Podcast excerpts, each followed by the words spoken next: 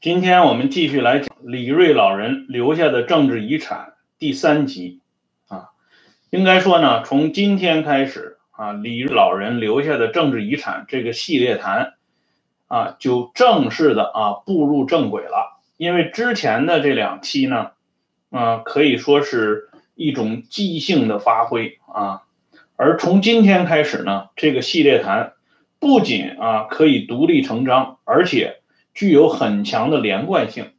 希望大家注意一下啊！现在呢，我们来啊讲正题儿。今天的题目叫王范打了李瑞一耳光。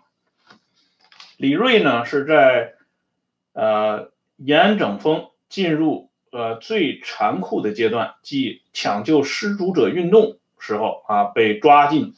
陕甘宁边区保安处的。他被抓进保安处之后呢，李瑞自己回忆啊，在保安处审问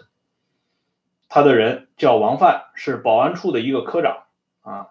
因为李瑞一直什么都不承认，所以王范发了脾气，打了李瑞一耳光。因为王范呢，他的妻子李仲培啊，与李瑞的二姐李英华。就是李瑞常叫的卓姐啊，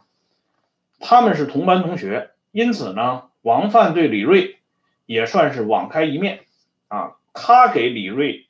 啊的这个提供的这个待遇啊，这待遇是加引号的，就是所谓的刑罚啊。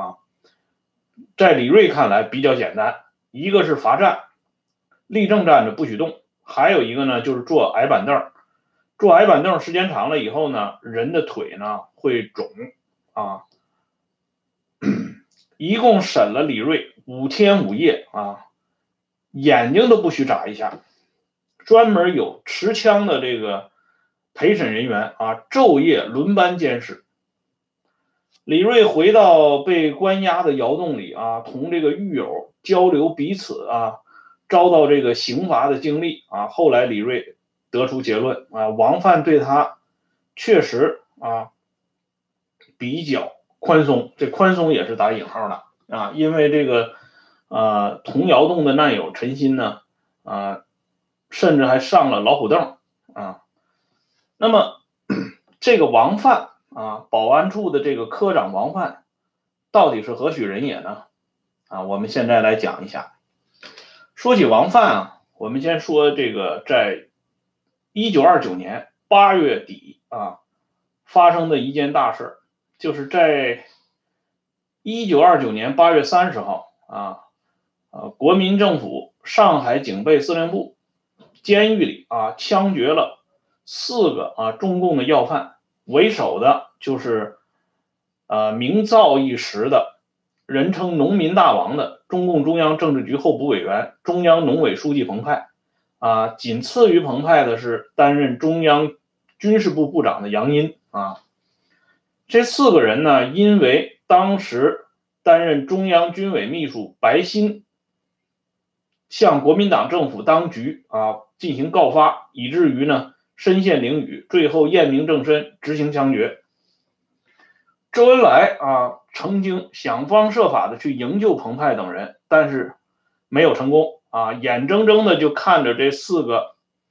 啊，他昔日啊非常得力的助手啊，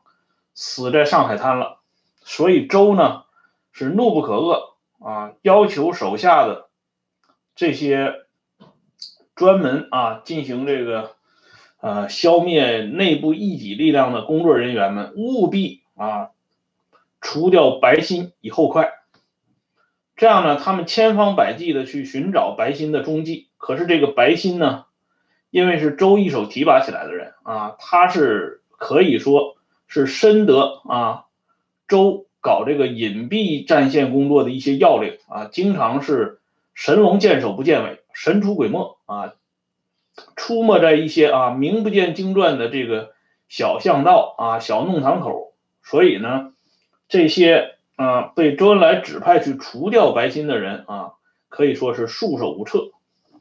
这个时候呢，周恩来就想到了啊，很早被他安插在巡捕房里边的一个贤妻冷子啊，此人就是王范。王范当时呢是做着巡捕的工作啊，就像今天这个巡警似的，经常在这马路牙子上转来转去啊。所以呢，周恩来把这个任务啊交到了王范手里。王范是果不果然不负众望啊啊！他在一次偶然的机会里突然发现了白鑫的行踪，然后向周恩来他们进行汇报。这样呢，周他们啊很快顺利的除掉了白鑫。王范呢，因此啊可以说声名鹊起啊，在中共这个特务战线里边啊，政治保卫战线里开始有了一席之地。后来王范自己呢啊也被抓了进去，但是呢，王范在。南京陆军监狱的时候啊，他与这个陶铸啊、王鹤寿啊、刘顺元呢、惠宇等一大批后来成为中共著名高级干部，甚至是高级领导人的啊，这些人成为难友和狱友。王范在他们中间呢啊表现的啊很出色啊。李克农呢曾经给王范啊做了四个字的评价，说王范是坚定精干啊。坚定呢就是指王范。在里边啊，坚不吐实。王范的共产党员身份始终没有暴露。当时的国民党当局呢，在抓人杀人这个问题上，还是相对比较讲证据的。否则的话，以王范啊这种带有共产党嫌疑的这种人，放在稍后的某个历史时期里啊，就是十十个脑袋都不够砍的。但是呢。国民党当局呢没有杀掉王范啊，一直就是判了他刑，进行长期羁押。而且王范在狱中呢还专门策划过越狱啊。即便是这样啊，国民党当局呢也没有因为这这个事情啊把王范啊秘密处决。所以呢，王范在羁押时间满了以后呢，通过地下党组织辗转到了延安。到了延安以后呢，很快就受到了重用，被安排到了边区保安处啊，具体负责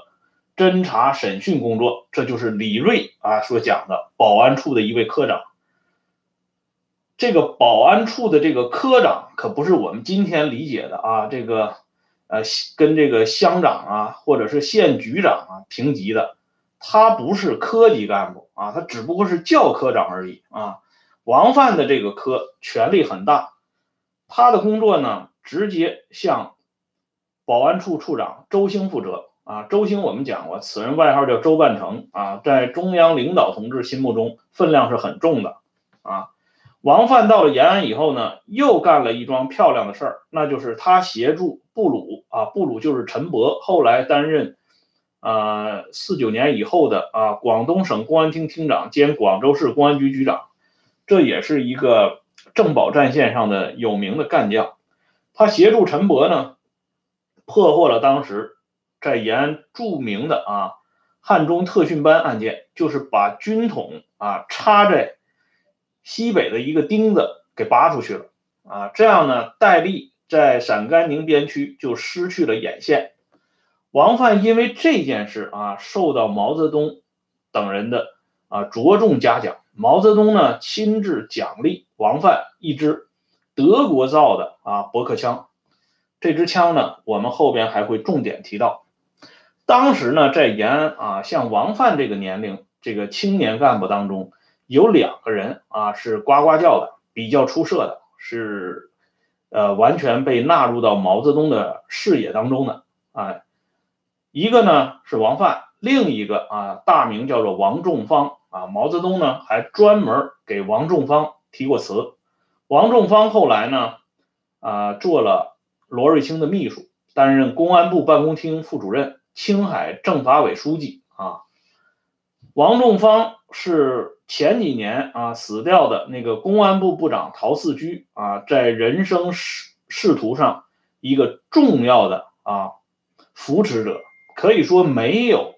王仲方，也就没有后来的。公安部部长陶世居，啊，在政保战线上，王范啊所起到的作用是至关重要的。因此呢，在一九四九年啊拿下天津以后，王范被任命为天津市公安局局长。可是呢，他做到这个公安局局长这个位置上，刚刚才一个月啊，就被周恩来一个电话招到了北平。当时的这个北京叫北平啊，周恩来呢交给他一个更为啊光荣且艰巨的任务。周呢对王范讲：“主席啊，马上要进北平，首先在南苑阅兵，整个阅兵过程中的保卫工作都交给你王范来负责。如果出了事儿啊，唯你王范是问。”王范呢，就是呃毫不犹豫的啊就接过了这个任务，而且呢完成的相当之好。今天我们从那种黑白的啊。纪录片可以看到毛泽东当时站在吉普车上检阅这个南苑的那些军队啊，在毛泽东前面啊也有一辆吉普车，吉普车里坐着的那个人就是王范啊。王范呢，在政保战线立下的汗马功劳啊，都一一啊被纳入到啊中央领导同志的心目当中，因此他受到的重用也是不言而喻的。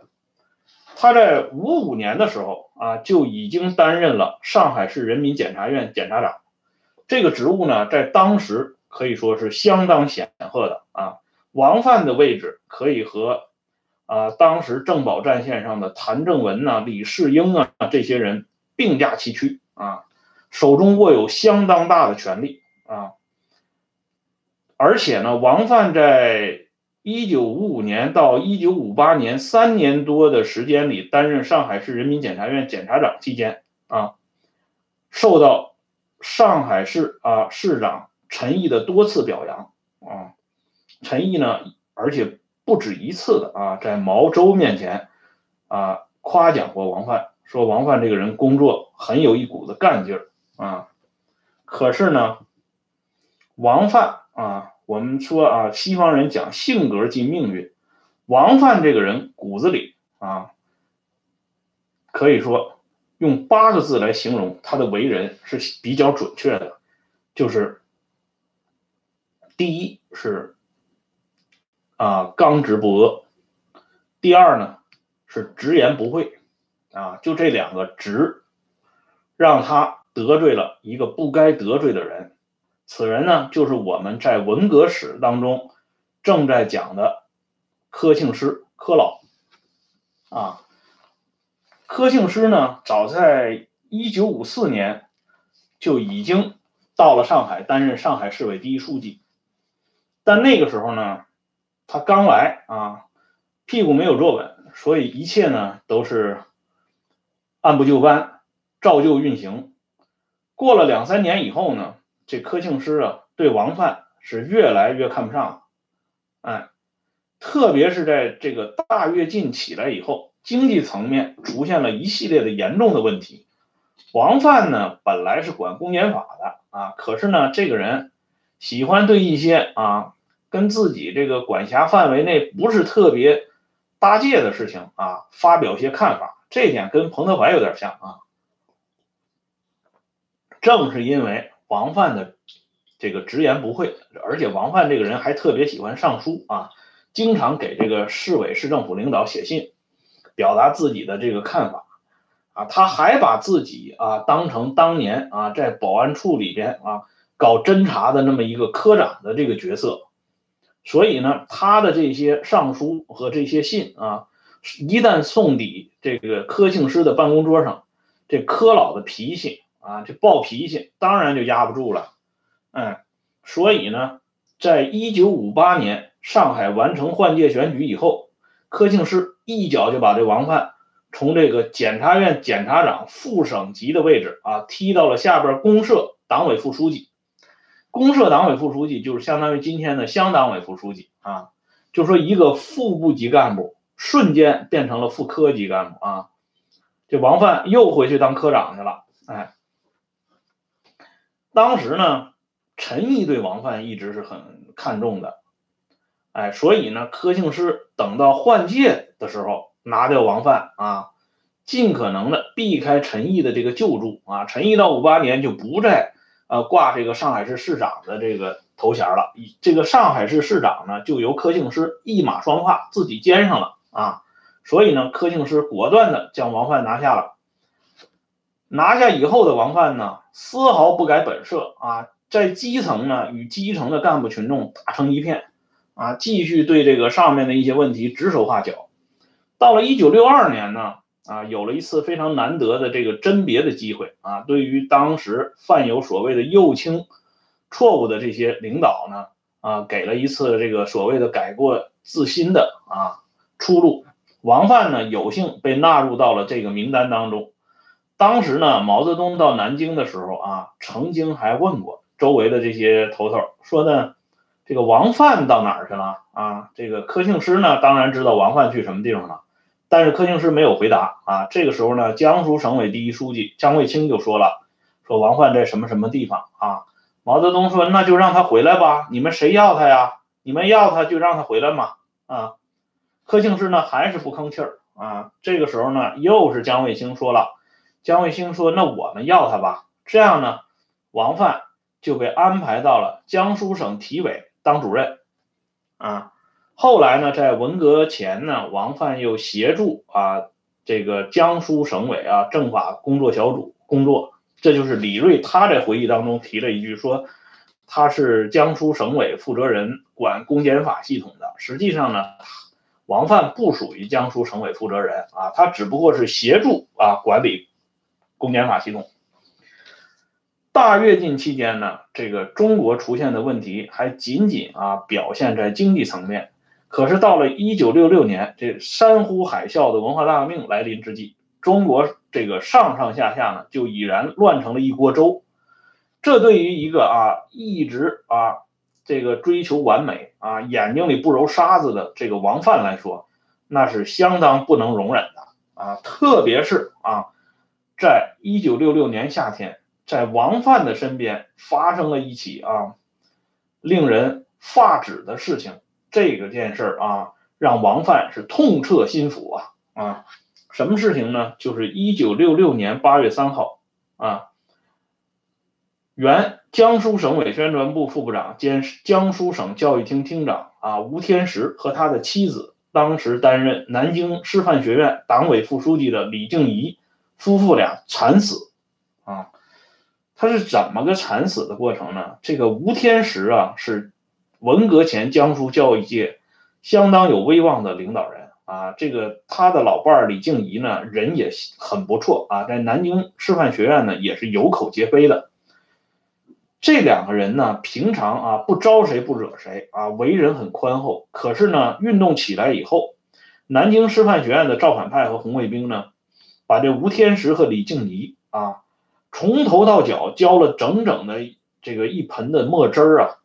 然后就把他们啊拖在那个滚烫的柏油路上拖着走啊！你想想，南京是中国有名的火炉啊，而且是八月份呢，那正是最热的时候。李静怡是很大年龄的女性了，所以呢，拖了走了一段时间啊，这人就瘫痪了，就动不了了。这个时候呢，吴天石啊向老伴儿说了最后一句话，就是静怡沉着一点。实际上这是一句安慰啊啊！可是呢，就这么一句话啊，招来了这个红卫兵造反派更为恶毒的暴打啊！这个吴天石的两条胳膊当场就被拧断啊，两条腿呢就直接给拖的就瘫了，也瘫了。还没有到批斗现场呢，吴天石的老伴李静怡就咽了气儿了啊！吴天石啊是勉强给架到上边批斗了一会儿，这个人也就不行了。后来呢？当省委组织部部长辛绍波赶到啊，组织抢救的时候，吴天石啊人已经就进入弥留了。这个过程呢，啊，王范知道以后呢，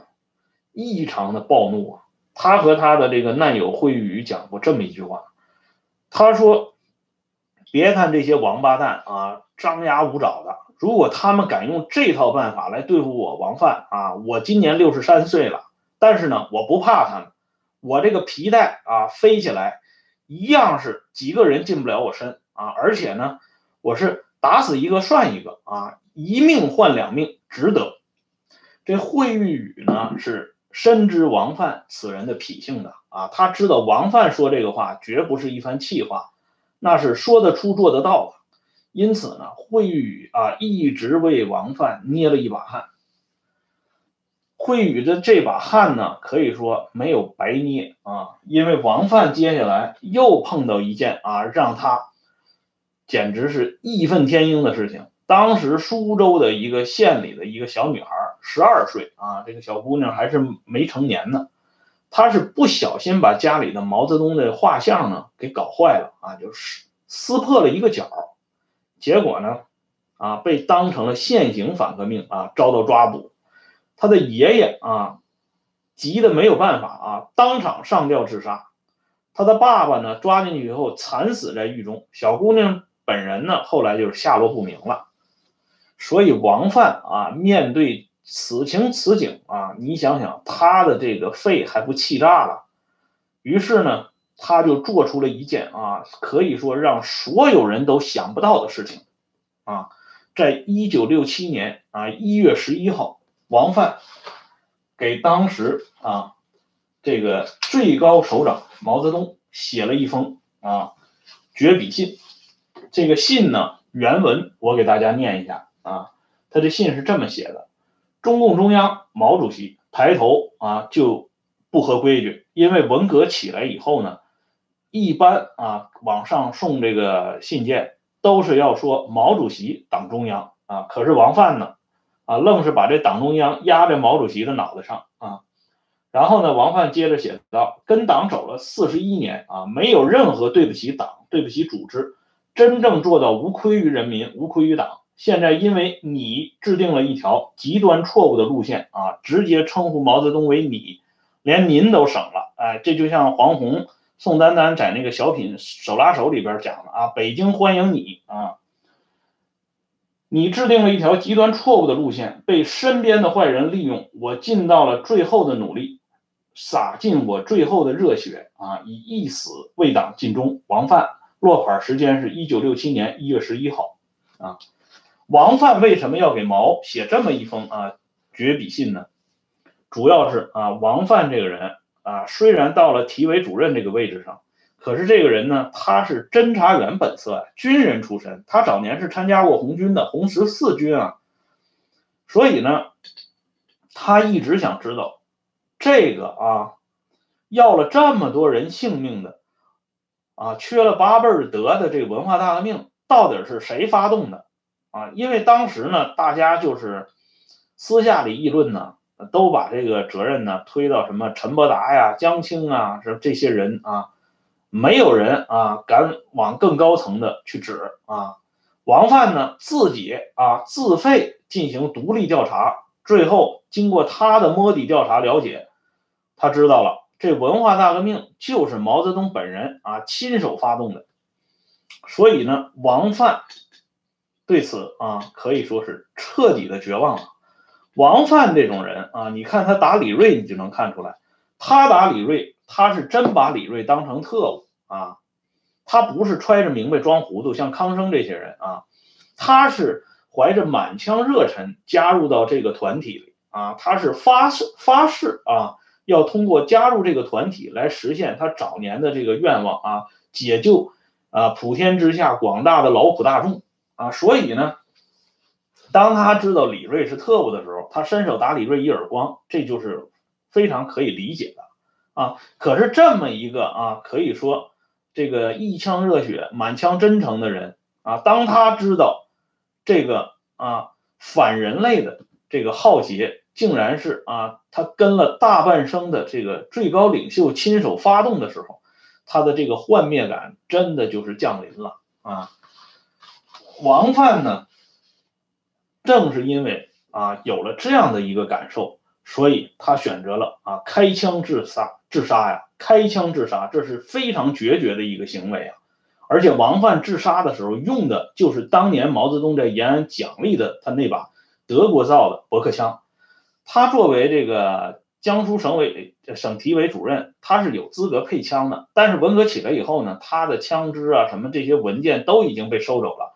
只有这支啊当年领袖奖励给他的驳壳枪呢，他一直小心的珍藏着。没想到啊，最后他竟然是用这支驳壳枪啊，把自己给送上了不归路，这是非常值得啊大家这个具体感受一下的事情。王范的这封信啊，是六七年一月十一号写完以后发走的啊。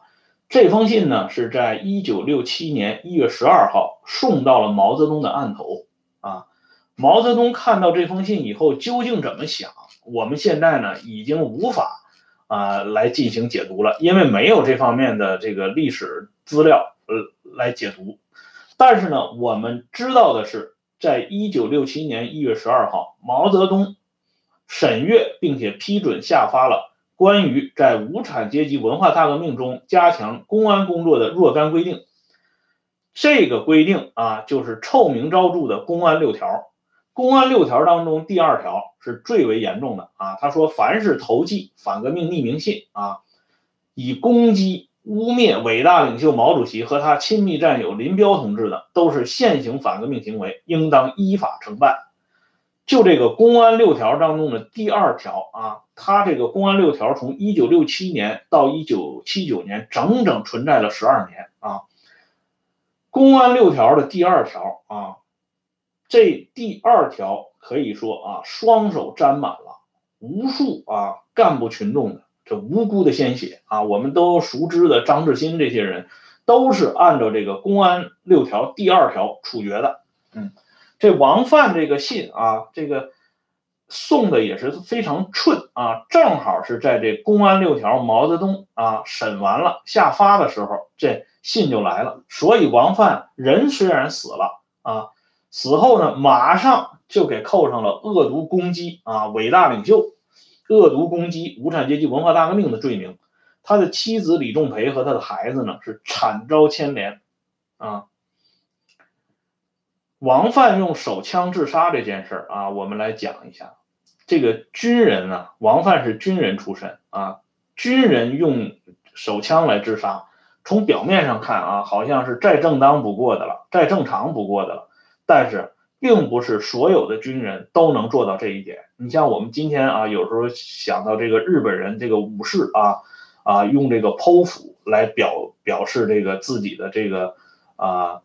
呃，某种牺牲的这个呃境界啊，其实呢，它更多的也是一种情怀。你像这个上个世纪三十十年代那个时候，那手枪都已经大把了，但是呢，这个日本军人还是选择剖腹自尽啊，他更多的是表达的一种境界啊。中国军人呢，同样也是有这种境界的，不过这种境界呢，啊，可以说是少之又少。比如说上个世纪啊，啊。这个上上个世纪吧，就是甲午战争的时候啊，北洋海军战败啊，他的头面人物丁汝昌选择是吞食鸦片自杀，二号人物刘步蟾也是吞食鸦片自杀啊，还有这个著名的管带林泰增也是服毒自尽，只有一个啊，名不见经传啊，一步一个台阶啊，不是通过学堂爬上来的杨用林啊，是用手枪自杀的啊。这是唯一一个用手枪自杀的人物，所以呢，后来有的学者啊，像江明，他写《龙旗飘扬的舰队》的时候啊，专门为杨用林提了一笔，因为他死的相当之壮烈啊。上个世纪淮海战役的时候啊，这个黄维兵团被围，黄维兵团的主官啊，黄维啊、胡琏啊这些人，包括杨伯涛这些人，他们当时呢也要表达一下杀身成仁的这个境界。可是呢，他们也没有啊，去掏手枪，而是准备了一大包安眠药啊。可以想见啊，这用手枪自杀这个难度啊，勇气真的不是不可小觑啊啊。所以呢，这个清朝的邓汉仪啊，他在写这个题西夫人庙里边有最有名的两首啊两句诗，流传至今，就是“千古艰难唯一死，伤心岂独西夫人”。王范啊，用毛泽东奖励给他的手枪啊，照自己啊这个要害部部位就来了这么一枪，可以说他的这种肝脑涂地啊，不仅仅表达的是自己的一腔悲愤啊，更多的是对这个整个的这个组织、对这个社会啊、对这个政治的大环境的绝望和控诉啊。鲁迅不讲过吗？自杀是一种抗议嘛啊。所以呢，党内是不允许自杀的啊，他把自杀定义为反党，就是不准你抗议啊。王范呢啊，他是打了李瑞的人啊，可是呢，他在他走完啊六十四岁人生历程的时候，他对毛的认识啊，可以说已经接近啊李瑞晚年对毛的认识，只不过呢那个时候啊，限于大的这个环境和他那个个人的历史局局限性，他对的毛的认识呢，还停留在一个。呃，一定程度啊，没有进行拔高啊，因为你看他的这个绝命书当中呢，他还是说，嗯，毛制定了一条极端错误的路线，被身边的坏人利用啊。这个话呢，和后来八十年代啊定的这个若干历史问题决议当中的那个结论是一致的，就是这个领导人错误发动的啊，被这个野心家利用的啊，实际上呢是不存在。野心家利用的，而是充分的利用了野心家啊。但是王范当时能够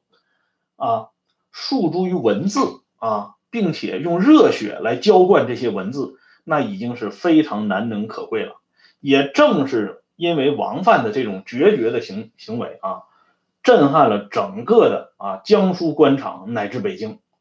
当时的江苏省委常务书记啊。刘顺元在得知王范死讯以后，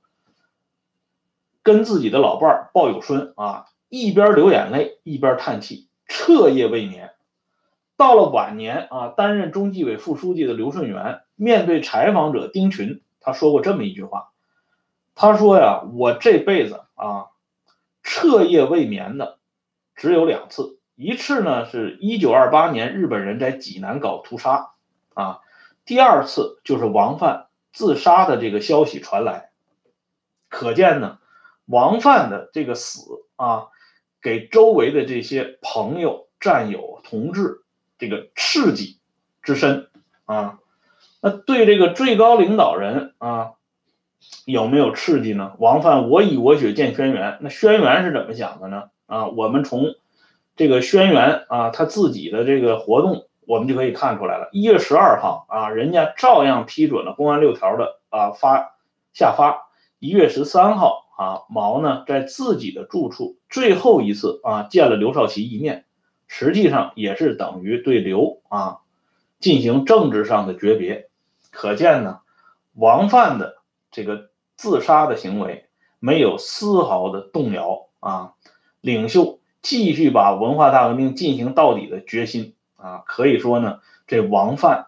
的死完全是一场啊彻头彻尾的悲剧啊，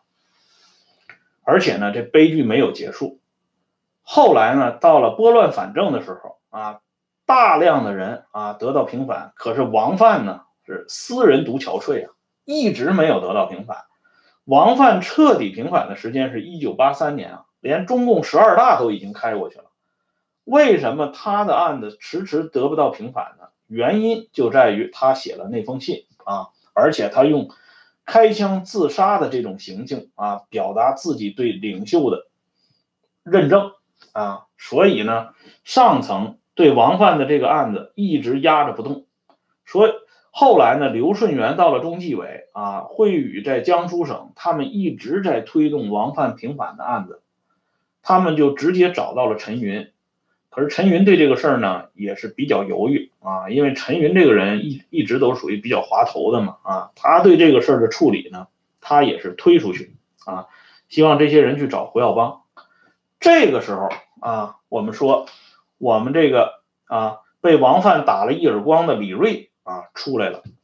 正是李瑞啊把王范的这个情况啊告诉了胡耀邦，最后由胡耀邦和陈云啊一起。为王范做了彻底平反的决定，可是呢，这个李瑞啊，咱们今天得说一下，李瑞老人在这件事上啊，可以说一直没怎么发声。你包括他到晚年回忆，他也没提说我为王范说过一句话，因为在李瑞看来，这件事是再正常不过的了啊，这才是真正的做了好事不留名的。可是呢。当我们挖掘出这条史料的时候啊，我们要给李瑞老人提一句啊，这位可敬的老人啊，在晚年又干了一件好事。可以说啊，挨打的李瑞和打人的王范啊，在他们生命都步入尽头的时候，他们殊途同归啊，都啊从不同的角度啊，分别的认清了自己的领袖的本来面目。那么今天啊，我们啊坐在这里来探讨这一段历史，绝不是啊简简单单的回顾王范的人生历程。更多的是通过王范这件事儿，告诉大家啊，要养成独立思考的习惯啊，不要经常被人家给忽悠。那么现在啊，我来提一个问啊，就是李锐在被抓进这个边区保安处之前啊，在延安已经是一个小有名气的人物，他写的啊。军事评论、山东战场的捷报和开展无满友运动的社论，那是得到毛的亲口嘉奖的啊。毛而且做了专门的评语。次于毛的啊，比如说李富春呢啊，这个博古啊，这些人物对李瑞呢也相当看重。可是就这么一个人物啊，轻易的就因为自己的同学魏博啊把他咬出来，就给抓到了保安处，并且受到了这么严厉的刑罚的处置。那么，这个延安的保安处，就是陕甘宁边区保安处，它到底是一个什么样的机构啊？它为什么有这么大的权力，可以随便抓捕任何人？我们在接下来的节目当中将为你啊揭开延安保安处的层层黑幕。今天的节目呢就做到这里啊，欢迎大家继续收看订阅《温相说党史》，谢谢，再见。